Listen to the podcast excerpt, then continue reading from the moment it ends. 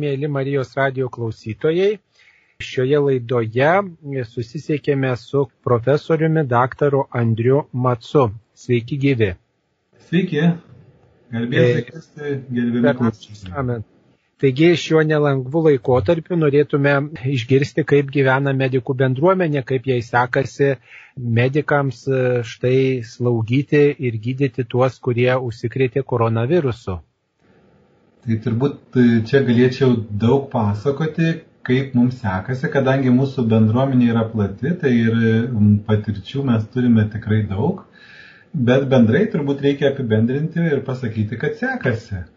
Ir visų pirma, turbūt reikėtų stabdyti tą paniką, kuri kyla, jeigu jinai kyla, kad mums nesiseka arba mes nebeturime vietų. Iš tiesų, ligoninės labai stengiasi. Ir stengiasi ne tik didžiosios ligoninės, bet ir mažosios.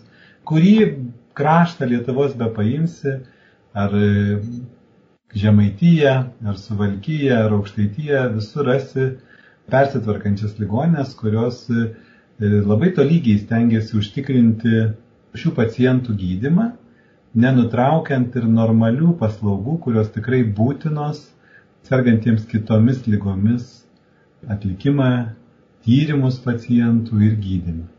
Tai turbūt turim pripažinti, kad mums sekasi iš tiesų, kaip matote, girdite ir, ir įvairiuose žiniasklaidos priemonėse ir socialinėse tinkluose, palaipsniui daugėja pacientų, kurie yra gydomi dėl šios infekcijos. Vakar dienos duomenimis mes turėjom beveik 1400 ligonių, kurie gydomi ligoninėse, intensyvios terapijos skyriuose E, turime gydomus e, šiek tiek virš šimto pacientų ir šie skaičiai turbūt dar kurį laiką auks, bet dėl visų priemonių, kurios yra įvestos, manome, kad tas skaičius kažkurio metu pradės stabilizuotis. Ir labai norisi, kad jūs ramiai paskaičiuotumėt. Lietuvoje stacionarinių arba ligoninės lovų yra ne vienas, ne du ir ne penki tūkstančiai. Jeigu jūs paimtumėt vien Kauno miestą mes turime stacionarinių lovų turbūt gal 3,5 tūkstančio, gal ir daugiau. Tai jeigu jūs paimtumėt Vilnių, paimtumėt Klaipėdą, Šiaulius ar paimtumėt Panevežį, jau nekalbu apie mažasias ligonės, tai tie skaičiai, kiek mes turime, tos vietos jie yra įspūdingi. Bet kaip jau minėjau, ne visos lygos yra vien tik tai ši infekcija. Tai didžiausia svarba ir ką ligonės labai stengiasi, Tai stengiasi užtikrinti, kad ir kitomis lygomis sergantys ligoniai gautų ne tik skubę pagalbą, bet svarbiausia, kad gautų ir planinę pagalbą, jeigu mes kalbam apie onkologinės lygas, apie kitas lygas, kurios laukti negali. Tai kol kas tai sekasi kaip reikėtų štai laikytis visiems žmonėms, kurie vat, išgirsta, kad jų aplinkoje kažkas susirgo, jų giminė, jų kaiminystėje, dar kažkur susirgo, vis tiek turbūt yra ta tokia panikos ataka, tokio nerimo ataka, kada, reiškia, galvojamo, kada čia mane ta lyga ištiks, kaip reikėtų saugotis štai atsakingai šiais laikais. Tai turbūt dabar, kaip aš ir kalbėjau pavasarį, kai mes ir per Marijos radijo kalbėjome ir kitose erdvėse, visų pirma, reikia laimėti laiką. Ir tas laikas visai neblogai sekėsi mums laimėti vasaros laikotarpiu. Ir panašu, kad e, po na, tų priemonių, kurios buvo įvestos arba įdėktos, mes vėl galime tikėtis tų skaičių suvaldymo. Ir matot, laiką reikia laimėti dar ir todėl, kad nebūtų šių ligonių arba sergančių šią infekciją ligonių griūties. Nes jeigu griūties nėra, tai tada gali mažesnį kiekį gydyti ramiau, skirti daugiau dėmesio ir gauti kokybiškesnius rezultatus. Tai mūsų laikysena turi būti tokia, kuri leistų dozuotai gauti ligoninėms ar šeimos gydytojams prižiūrimų ligonių skaičių. Šiek tiek vėliau pasakysiu, kaip laikytis namuose, jeigu sergi. Ir jeigu situacija yra nebloga, tai daug ką galima spręsti namuose. Ir mes ne vieną pavyzdį turim, nuostabų pavyzdį, kur ir 90 metų gydytojas mūsų universiteto dėstytojas e, puikiai, nors ir sunkia forma sirgo, bet tikrai puikiai laikėsi ir panašu, kad mes jau galima sakyti, kad pasveiko. Tai dabar apie saugojimasis. Saugojimasis turbūt turėtų pagrindinis būti tokia laikysena, kuri save reikėtų įsivaizduoti, na, kaip tokį žvalgą, kuris norėtų būti trumpiau matomas, trumpiau kontaktuotų su visais, tai nereiškia, kad nesikalbėtų su visais, tai nereiškia, kad neišeitų į lauką. Tegu jis išeina į lauką, tegu kiekvienas iš mūsų einame į lauką, bet eikime po vieną, eikime dviese, tie, kas kartu gyvenam. Ir jeigu turim susitikti su draugais pasikalbėti, pasikalbėkime parke, kur galėtumėm iš toliau kalbėtis, džiaugtis gamta net jeigu ir yra kiek vėsiau ar lietus nulyja, bet gamtoje, ten kur vėjas sklaido, bet kokį virusą ar bakteriją, mes tikrai laimime mažesnį kontaktą su galimai užsikrėtusiu žmogum, kuris apie tai gali ir nežinoti. Reiškia, laikysena mūsų turėtų būti tokia. Kiek mes susitinkam, susitikime, tikrai susitikime, bet susitikime laukia, ne kambaryje, susitikime trumpiau, neduokime rankos. Labai noriu paprašyti, žmonės vis dar nori apsikabinti ir tikintiesiems yra būdinga, kad e, mėgstama apsikabinti, pasiplekšnoti, to tikrai nedarykime visiškai. Netieskime rankos ir per mišes, nusilenkime geriau širdimi, nusilenkime galvą, bet stenkime visai kaip išvengti to, na, pasakysiu tiesiai, čipinėjimus. Man labai skaudu žinoti, aš turiu tikrai dvi patirtis iš mūsų artimų žmonių, gydytojų bendruomenės, kur lyga išplito laidotuvių metu. Ką tai reiškia? Tai reiškia, pats laidotuvių procesas ir, ir pats atsisveikinimas su mirusiuoju jisai turi ir privalo įvykti.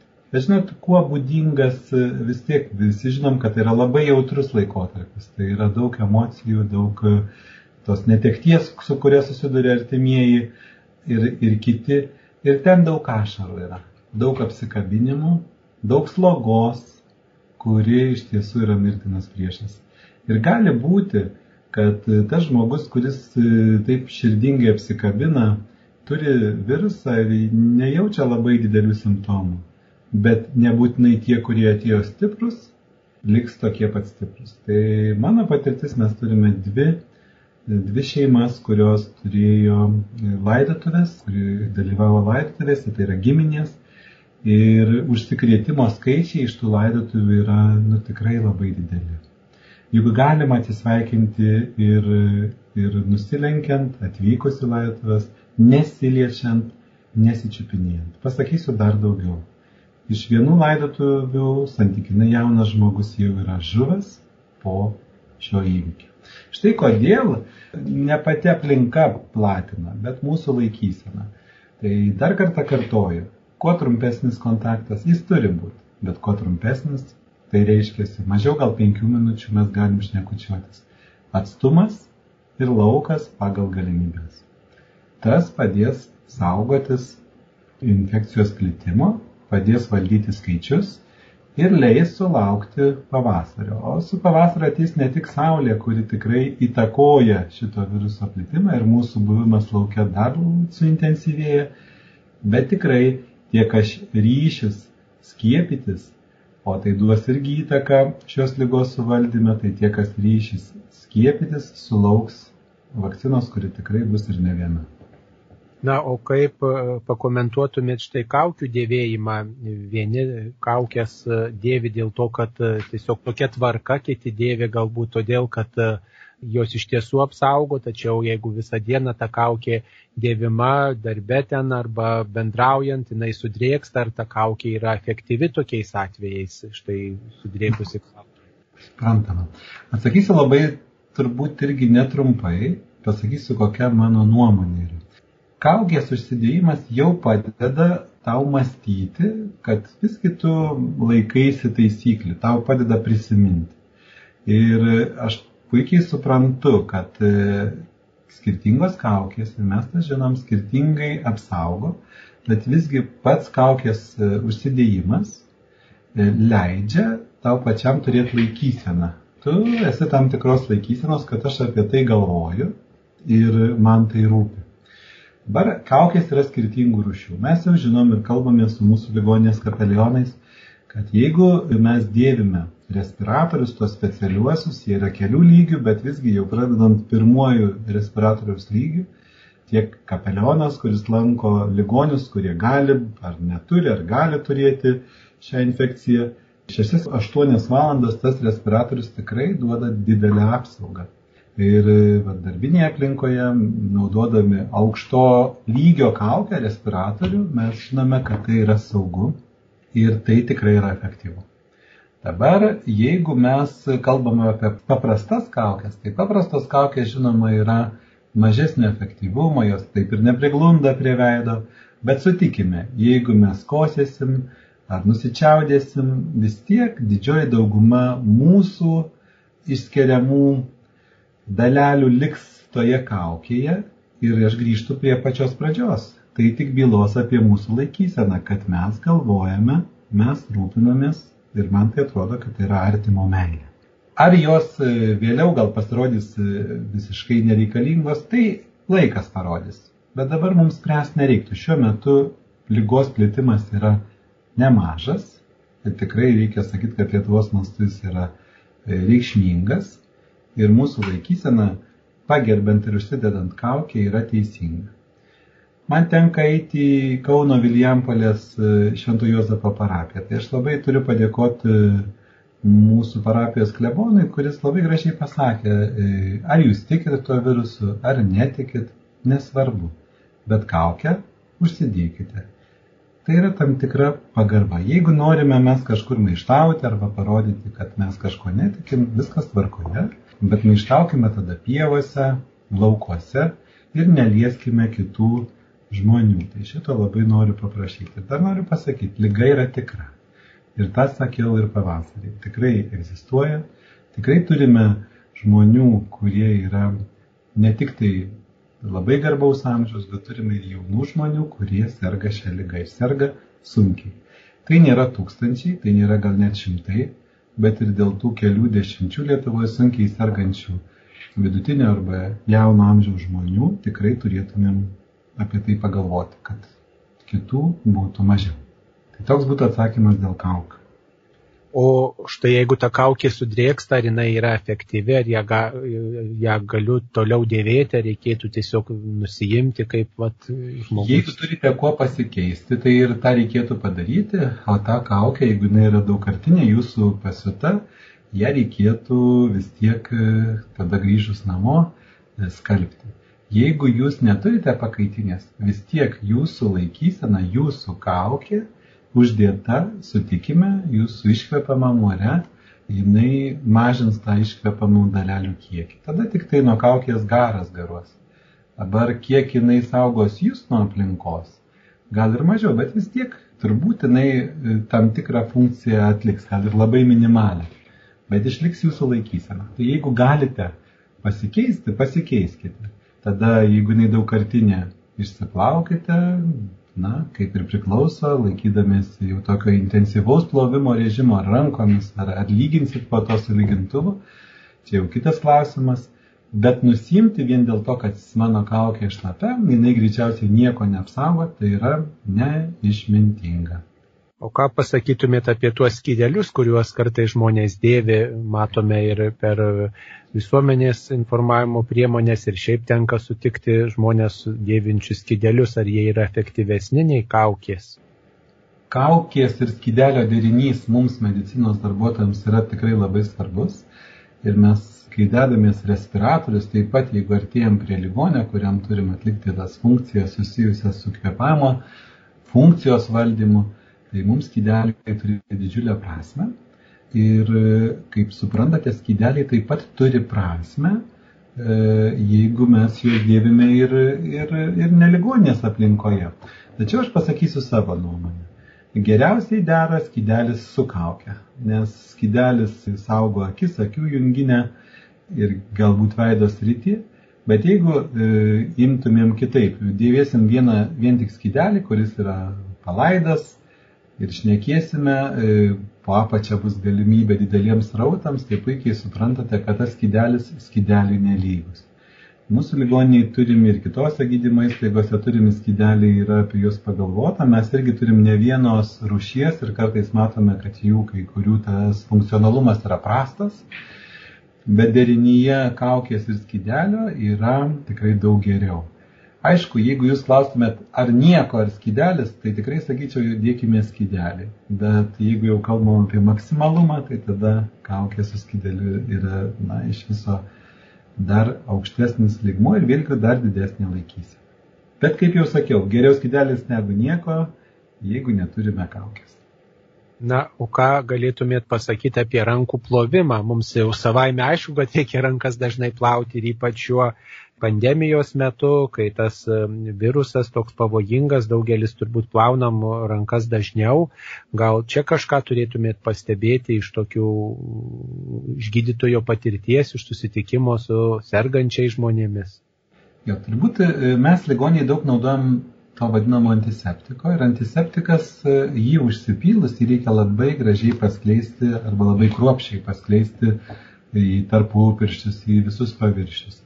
Ir e, tas, kas vyksta gydymo įstaigoje ir pacientai ateina į gydymo įstaigą, tai antiseptiko panaudojimas yra neišvengiamas, labai gerai jis reikalingas, bet atkreipkite dėmesį, visi antiseptikai, jie taip pat veikia mūsų odą ir tam tikrą prasme barjerinę funkciją odos mažina. Ta akimirksnį viruso sunaikinimą atlieka, bet barjerinė funkcija bendraja prasme mažėja. Tada grįžtam prie klausimo, kas gali mums padėti. Tai mums gali padėti, taip kaip jūs ir minite, paprastas rankų plovimas. Galbūt e, vaikiškų mailų, na, gerų mailų, kuris jums yra priimtinas, kokį jūs ten beturėtumėt, bet kruopštus rankų plovimas ir dažnas, kaip galima mažiau dirginančiam priemonėm, leis, na, pašalinti turbūt daugelį bakterijų ir dalelių, kurios visai nereikalingos ir atkreipkite dėmesį. Rankose tas virusas žalos nepadaro, bet jeigu jisai yra ant mūsų rankų ir mes e, liečiam savo veidą ar pasitaisom tą pačią kaukę, jūs suprantat, kad vis tiek e, rankų plovimas visiškai nespecifinis yra labai naudingas. Ir kuo jis bus dažnesnis, e, paprastesniem, nedirginančiam priemonėm, tuo bus didesnė nauda net jeigu lyginsim vien tik tai su antiseptiku. Antiseptikas turi būti naudojamas įeinant į parduotuvę, įeinant į ligoninę, išeinant, mes naudojam ten tarp skyrių eidami ir po kelis kartus, bet jaučiam, kad tai įtakos ir mūsų rankų būklę. Ką galim padaryti paprastai, naudodami muilą, naudodami jį dažnai, mokindami savo artimuosius, ne piktai, bet e, taip pat padrasindami juos, e, vienas kitą paragindami, galim gauti puikus rezultatus. Na, jeigu jau žmogus štai užsikrėtė koronavirusu, tie tokie klasikiniai požymiai - skonio praradimas, oslės praradimas, temperatūra pakilusi, pakilęs kosulys, sloga, gal silpnumas organizmo, kaulų laužimas, galbūt dar yra kokių kitų e, rečiau pasitaikančių požymių kokią tą distanciją laikyti namuose nuo artimųjų, kurie galbūt sveiki yra na, ir daugiau, ką galėtumėte rekomenduoti. Taip, iš tiesų turbūt svarbiausia yra visų pirma tai laikysena. Jeigu pajuntat simptomus, jau būkite labai supratingi ir galvokite apie kitus. Nereikėtų dar vieną arba dvi dienas eiti į darbą ir išsiaiškinti, ar tikrai sergi. Pajausiu, ar tikrai sergu, tada žiūrėsiu. Tai turite žinoti, kad mes jau dabar žinome ir jaučiame, kad didžiausias viruso plitimas greičiausiai vyksta tuo metu, sakau greičiausia, todėl kad mokslo duomenys dar atkeliauja, įvyksta prieš pat simptomų atsiradimą ir pirmosiomis dienomis. Kai jau ligonis liepsnoja, jo išskiriamumas e, dar klausimas, ar yra jau didelis. Dar tas bus atsakyta, bet panašu, kad didžiausias galimybė užkrėsti kitus yra tuo pačiu pirmuoju laikotarpiu. Mes jau žinome, atkreipkite dėmesį, pavasarį svarstėm, kiek čia 35 dienas reiks sirgti, laukti tų tyrimų, dviejų neigiamų, tik tada galės eiti į darbą. Dabar, jeigu žmogus sarga lengva forma, tai po dešimties dienų ir nebejaučia simptomų, kai kurie visai nebejaučia, po dešimties dienų jis gali sugrįžti į gyvenimą be tyrimo. Ir tai yra įrodyta, ir tai yra saugu. Jeigu žmogus serga labai sunkia forma, tai po 20 dienų manoma, kad jis yra saugus visuomeniai. Tai suprantat, pagrindinis akcentas turėtų būti kreipiamas į pirmųjų dienų laikyseną. Tai visų pirma, suprasti, kad galimai jau ta lyga tave aplankė, likti savo erdvėje, stengtis galvoti apie kitus, na ir tada pradedam galvoti apie save. Tai visų pirma, Pirmieji simptomai, jeigu prasideda karščiavimu, mes vis tiek turime pradėti galvoti, ką aš turiu daryti. Nenustoti gerti skyščių. Proto ribose tai neturi būti 4 litrai, bet tai turi būti ir ne viena stiklinė per dieną. Tai turėtų būti normalus, nes kartais gert labai nesinori prie šios lygos, bet skyščių reikia. Jeigu skyščių nebus, blogės inkstų funkcija, ypač vyresniam amžiui. Turime įrodymų aiškių, jau buvo pradžioje aišku, kad jeigu žmogui vystos inkstų funkcijos nepakankumas prie šios lygos, rezultatai gydymo yra, na pasakysiu delikačiai, prasti, o jeigu tiesiai, blogi. Tai nereiškia, kad visi žūsta, bet tai reiškia, kad vargstame labai stipriai ir sunkiai ir didelė dalis ligonių, jeigu labai sunkus inkstų funkcijos nepakankamas žūsta. Tai ką padaryti, kad ta inkstų funkcija kaip galima geriau laikytųsi?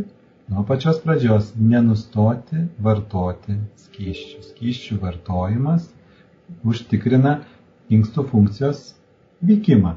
Ir kuo laimime daugiau laiko, ką mes laimime? Laimime laiką iki pasveikimo.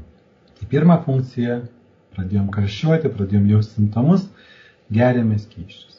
Tada pradedam stebėti, kokia ta mūsų temperatūra. Jeigu temperatūra jinai yra toleruotina, jūs karščiuojate iki 30 gal 8, 8 38,5 ir jaučiat, kad tą galite toleruoti, tai ir kviečiu tą daryti ir toliau galvojant apie skyšių gerimą ir toliau galvojant apie na, kitas tokias ramybės ir slaugos, savo slaugos funkcijas gulėti, nelakstyti, nesitvarkyti turbūt, na, kas priklauso gal minimaliai pasidaryti ir paskirti save sveikimui su gera nuotaika.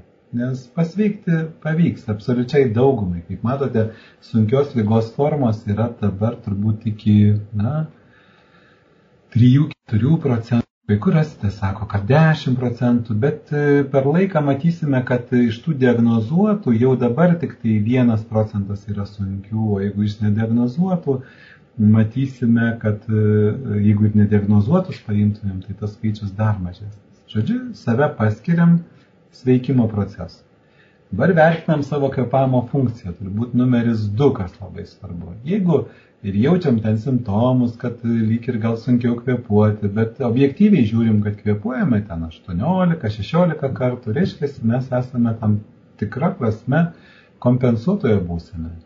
Jeigu mes galime nueiti į tualetą ir netrūksta mums labai kvapą, na, karščiavimas e, duos silpnumą ir ši lyga duos labai stiprų silpnumą, bet vis tiek objektyviai galime galvoti, kad tikrai netrūkstama noro ir tas kvėpavimo dažnis saugusiam žmogui yra mažiau 20, tai ir e, ramybė turėtų mūsų tik sustiprinti.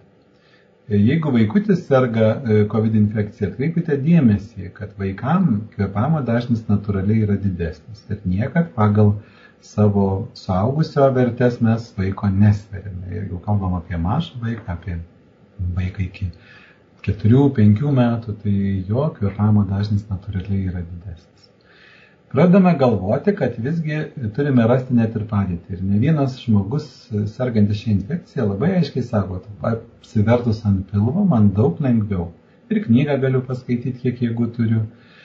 Ne visi turi tos jėgos, bet ant pilvo geriau. Tai tas ant pilvo gulėjimas yra labai prasmingas ir jeigu būklė jūsų leidžia, dėl kitų lygų, pavyzdžiui, dėl sanarių lygų, bet jeigu sugebat apsiversti, kite daugiau ant pilvo, nes tai kvėpavimo funkciją pagerina. Mes žinome, kad tai pagerina ir bendrai plaučių, krūtinės lastos kraujotaką, kas yra labai svarbu šios infekcijos metu. Ir jeigu lyga taip ir apsiriboja, o daugeliu atveju taip ir apsiriboja, ten gali būti ir kosulys, gali būti ir jau kvepamo netikimas, gali būti viduriavimas, daug simptomų, nei įvairiai pasireiškia, Bet jeigu jinai tuo ribojasi, tai laukiam ir stebime. Noriu, kad turėtumėt kantrybės. Ši lyga, jeigu įprasta mums karščiuoti, žinot, prie virusinės infekcijos sako, žmogus karščiuoja 5-7 dienas ir baigėsi. Čia žmogus karščiuoja ir 14, ir 16 dienų. Ir va dabar mano pasakymas, kad būtinai nenustokite gerti skyščiai, įgis labai didelę prasme. Nes jeigu jūs karščiuojate 3-5 dienas, Ne, jeigu klasikinė infekcija virusinė yra, tai 3-5 dienos greičiausiai tie inkstai atlaikys. Bet jeigu jūs karščiuojate ir negeriate skyščio 14 dienų, tai net sveikiausiam žmogui inkstų veikla gali sutrikti arba liaudiškai tariant, atsakyti inkstai gali ir, ir visai tvirtam vyrui arba moteriai. Tai labai galvoti apie skyščių gėrimą, tas, kas jums yra priimtina, tas, kas mėgstate, ar arbata, ar mineralinis vanduo, ar bordžomis, ar koks kitas gėrimas, kurį nu, jau bendrinių pavadinimų noriu pasakyti, tik nenustokite gerti. Galbūt gydytojai mane girdi ir gali e, klausti, ar visgi ar, e, daug skyščių geriant nebus žalos, pavyzdžiui, širdies funkcijai arba tams patiems plaučiams, ar mes jų neužpilsime. Žmogus jaučia save, kiekvienas save pažįsta. Jeigu žmogus serga širdies nepakankamumu, jis geria paprastai mažiau, bet tebūnie skaičiuoja. Skaičiuoja savo išgeriamą skyščių kiekį, skaičiuoja, kiek kartų naina į tualetą ir kokį rezultatą ten gauna. Tie skaičiavimai savo yra labai svarbus.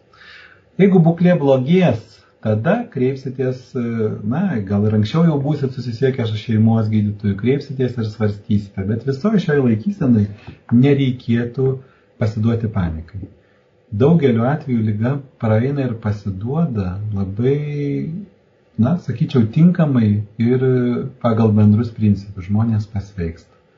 Panika negerai ne tik dėl psichinės būklės, bet ir e, panika išskiria adrenaliną ir žmogui reikia, žmogus nervuojasi, vystosi greitas širdies plakimas, reikia dar daugiau degonės. Atrodo viskas griūva. Sveikimo procesui tai tikrai labai ir labai nepadeda. Ir noriu pakviesti artimuosius, jeigu turite žmogų sergantį ir galbūt su juo kartu esant, esate, bet jaučiatės gerai, tai palaikykite jį moraliai. Padrasinkite, atneškite vandens, atneškite, ko jam reikia, greičiausiai valgyti nenorės, bet kartais užsinorės, tai viską reikia paduoti. Ir tikrai bus tai yra artimo meilės veiksmas ir padrasinimas vienoje vietoje. Na, turbūt sergantiems žmonėms aktualu, ypač tiems, kurie serga ir kitomis lygomis, bet štai susirgo dar ir COVID-19 virusu, tas ligonių sakramento prieimimas kaip e, čia galime nuraminti žmonės, ar tikrai kunigas gali tokį žmogų aplankyti, nes daugelis gal baiminasi, kad štai kunigas e, negalės suteikti jam ligonio sakramento, tokioj vat e, sunkioj padėti, galbūt jam, reiškia, grėsia tas pavojus ir dėl kitų lygų, o štai tas virusas, kuris jį užklupo, dar ir kitų lygų tą paumėjimą iššaukia. Tai gali žmonės nerimauti ir tiesiog trokšti ligonių sakramento. Ką čia galėtumėt pasakyti? Na, čia atsakymą turbūt iš, na, nukreipčiau į dvi kryptis. Tai, tai, kad žmogus ilgisi sakramentų, tai yra labai gerai ir juos siekti reikėtų gauti. Ir labai kviečiu apie tai mąstyti dar kai nesergate ir pasirūpinti jais, bet labai saugoti ir, ir kunigus, ir sielovadininkus. Jeigu mūsų gydytojų e, ir slaugytojų, nors norėtųsi dar daugiau, bet mes turime tūkstantinę armiją, tai jeigu jūs paimtumėt Lietuvos e, katalikų kunigus, tai matytumėt, kad tie skaičiai gerokai mažesni. Tai labai noriu paprašyti, kad savo sielovadininkus ir, ir, ir savo, na, kunigus, klebonus ir, ir kitus, kurie tarnauja jums labai saugotumėt. O ką tai reiškia? Tai reiškia, kad e, tikrai prašytumėt, kad jums e, gal ir atgailos sakramentą suteiktų, bet pabandykime kalbėti iš esmės ir konkrečiai. Neprirakinkime kunigo prie klausyklos 40 minučių, ko gal tikrai reikia taikos metu, bet dabar reikia konkretum. Kvieščiau nenorėti, gal ir labai svarbu, bet kvieščiau galbūt susilaikyti nuo pokalbio uždaroje erdvėje. Galbūt kunigas yra jūsų dvasios tėvas ir jūs turite kas mėnesinį pokalbį, kuris trunka pusantros dvi valandas, tai to reikėtų vengti arba eiti į lauką pasivaikščioti ir tą daryti, einant parku ir kalbėtis.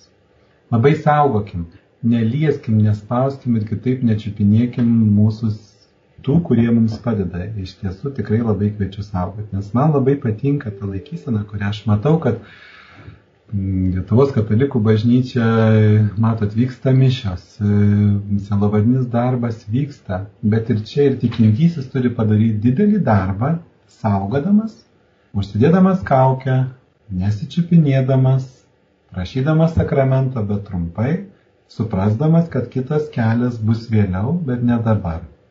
Tai čia tokia turbūt laikysena tikinčiajam. Turiu pasidžiaugti Vilniuje, Kapelionai ir Kaune ir kituose miestuose, bet um, praeitą savaitę mūsų ligoninėje E, kapelionas aprengtas, kaip mes sakom, maro kostiumo, iš tiesų, va tuo kostiumu, kuris priklauso saugoti šią infekciją, ėjo suteikti ligonio patepimo sakramento vienai sunkiai pacientai. Buvo gera žiūrėti, aš suprantu, kad tai jis įėjo į reanimaciją, kaip dabar madinga sakyti, į reaktorių, bet jis buvo apsirengęs tinkamai.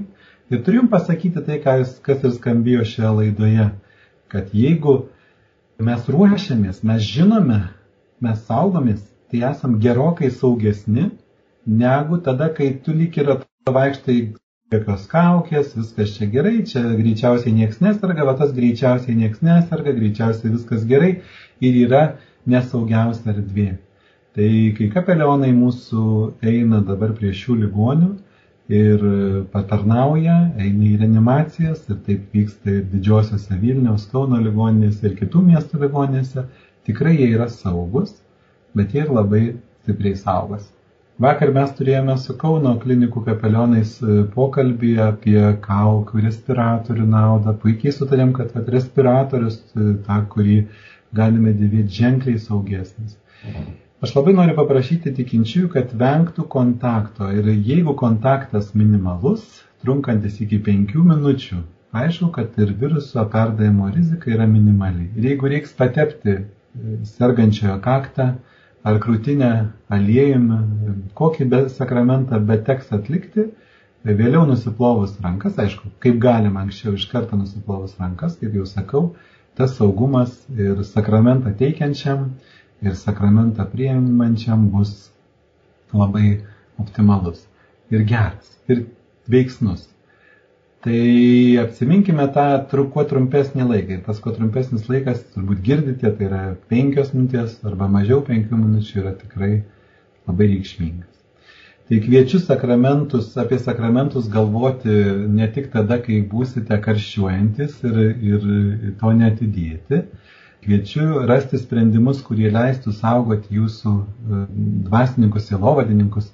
Ir e, tikrai kviečiu neatsisakyti, nei priimti, nei teikti ir, ir panašu, kad tai sekasi.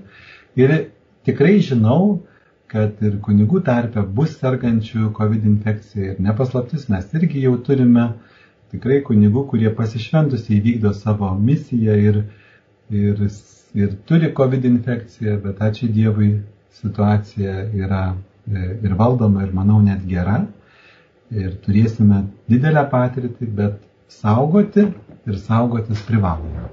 Turbūt daugelis nerimauja dėl komunijos prieimimo, to sąlyčio galimo priimant šventą komuniją, nes viskupai rekomenduoja komuniją priimti į ranką, bet pasigirsta tokių balsų, kad štai tas prieimimas į ranką irgi gali būti toks e, pavojingas, e, o jeigu, pavyzdžiui, duodama komunija į burną, bet, e, taip sakant, viskas padaroma labai diskretiškai, nepaliečiant lūpos ar liežuvio, tai yra pakankamai saugus būdas, ką galėtumėte apie tai pasakyti.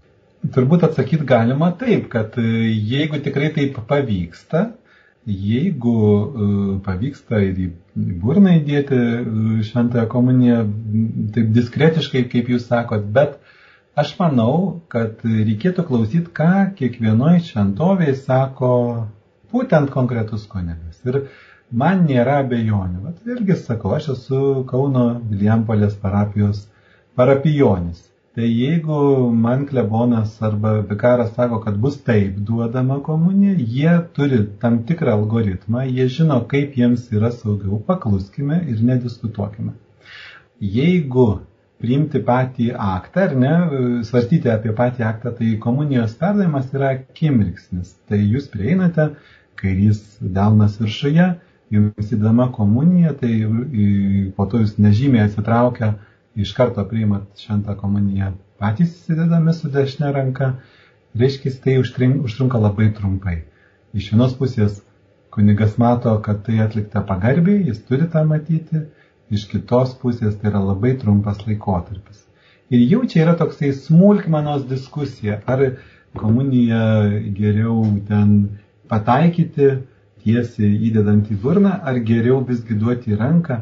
Matot, kai mes kalbam apie vienetinį atvejį, apie vieną veiksmą, bet jeigu visgi dar šiandien tenka kunigui suteikti 20 arba 30 tų komunijos e, įdėjimo epizodų vat, per tą momentą įsivaizduot, kaip sunku nesuklysti. Tai va aš kodėl noriu paprašyti, kad jūs atkreiptumėte dėmesį, kokį sprendimą priima jūsų parapijos ar jūsų lankomos bažnyčios kunigai. Jeigu jie priima tokį, jūs ir vykdykite, nes tas vykdymas leis būti saugiausiame, nu turbūt saugiausiame lygyje, taip galėčiau atsakyti. Tai apibendrinant, pats veiksmas yra labai trumpas. Puikiai matau, kad kunigai stengiasi nusidezinfekuoti rankas prieš pradėdami, baigę šitą aktą, bet pats sakramento prieimimas yra tikrai trumpas veiksmas ir pasikliaukime taip, kaip ir pasitikėkime taip, kaip nusprendė jūsų parapijos kunigas ar dvasininkas. Ir čia noriu vieną komentarą pasakyti. Žinot, kai aš esu gydytojas anesteziologas ir kartais ligoniai atkeliauja ir sako, žinot, daktarė, aš norėčiau tokios narkozės, o bendrai gal kitokios narkozės. Ir mes mokiname e, ir jaunus rezidentus, ir mokiname ir pacientus, kad geriausia leisti gydytojui atlikti tą anesteziją, kurią jis geriausiai įvaldęs yra nes jinai jo rankos yra saugiausia. Jie paprastai, tie mūsų gydytojai puikiai žino, kas tinka, kas netinka, ką geriausiai valdo ir klaidų nepadaro. O kai pradedam pageidauti, vat, kaip pacientai, aš ir pats esu vieną kartą paklusęs paciento pageidavimui, tai žinot, rezultatai taip savo. Viskas baigėsi gerai, bet smagumo nei tam pacientui daug nėra, nei tam pačiam kaip gydytojui nėra. Taip kad nepakluskime, tiksliau nereikalaukime o klausykime, ką sako, nes apie tai tikrai mūsų kunigai labai galvoja, daug tarėsi ir tą mes gydytojai žinom, nes ir mūsų klausia taip pat. Visi turbūt nerimaujam, laukiam, kada čia įbaigsis, gal yra dar ir kitų detalių, apie kurias mes nepagalvojam, į kurias reikėtų atkreipti dėmesį. Kaip jau sakiau, e, svarbiausia laimėti laiko, tai pirmas. Antras, savo tikėjimą, netikėjimą virusų prilaikyti, Nes e, ką mes matom, patikėkite, lyga tikra, lyga būna lengva, būna ir labai sunki, visokių formų yra, tai šitą įsidėmėkime. Savo nuomonę, pavyzdžiui, čia trečias punktas, kad galbūt tą lygą reikia vienai par kitaip valdyti, ją reikėtų svarstyti, savo pasilaikyti. Ir gali būti, kad po 3-4 metų sergančius šią infekciją mes jau žiūrėsime ten Na, į bendrą eilę pasodinsim tą ligonį. Gali būti ir taip. Bet po 3-4 metų gal mes jau turėsim ir bendrą imunitetą šiai infekcijai kaip visuomenė didelį ir galėsime taip daryti. Ir va, galbūt kažkas sakys, tai va, nuo pradžio taip reikėjo daryti, bet nuo pradžio taip nereikėjo daryti, nes plitimas, jeigu nevaldai šiuo metu didelis. Ketvirtas dalykas, ką mes turbūt turėtumėm apsvarstyti, atkeliaus vakcina. Ir dalis žmonių, suprantu jų laikyseną, kad jie nesiskiepys Bet aš turiu, aš galiu pats pasakyti, aš skiepysiuos e, dėl šios lygos, nes dirbdami ligoninėje mes tikrai, na, esame ten, kur turime ypatingai saugotis, nes ne tose vietose, kur jau ta infekcija išplitus, bet ten, kur dar atrodo viskas saugu. Tai vakcina atkeliaus, jos e, nenurašykim, neužginčykim, leiskim kiekvienam apsispręsti ir tie, kas apsispręs, priimkime, kad jie taip pat, na, priimė tokį sprendimą turbūt penktuoju punktu noriu visiems palinkėti optimizmo, nes optimizmas čia yra būtinas. Jau sakiau, panika labai blogina rezultatą, blogina net fizinę būklę. Tai būkime e, optimistai, saugokime artimuosius, saugokime mūsų kunigus, kunigai teiks sakramentus, tą ir daro nuostabu, bet būkime labai apdairusi. Na, dėl e, e, vakcinos dar galima gal keletą tokių minčių būtų pasakyti, kad visuomenė sklaido tokios samokslo teorijos, kad štai galbūt čia bus suženklinti gyventojai, galbūt čia vakcina neištyrinėta, į tą vakciną ten įdėta dar kažkokių dalelių, kurios iš embrionų nužudytų paimtos ir panašių dalykų yra, kaip štai nepasikliauti tokiom samokslo teorijom ir, ir vis dėlto pasiduoti tokiems gal racionaliems argumentams arba neklaidingiems, o tiesos argumentams.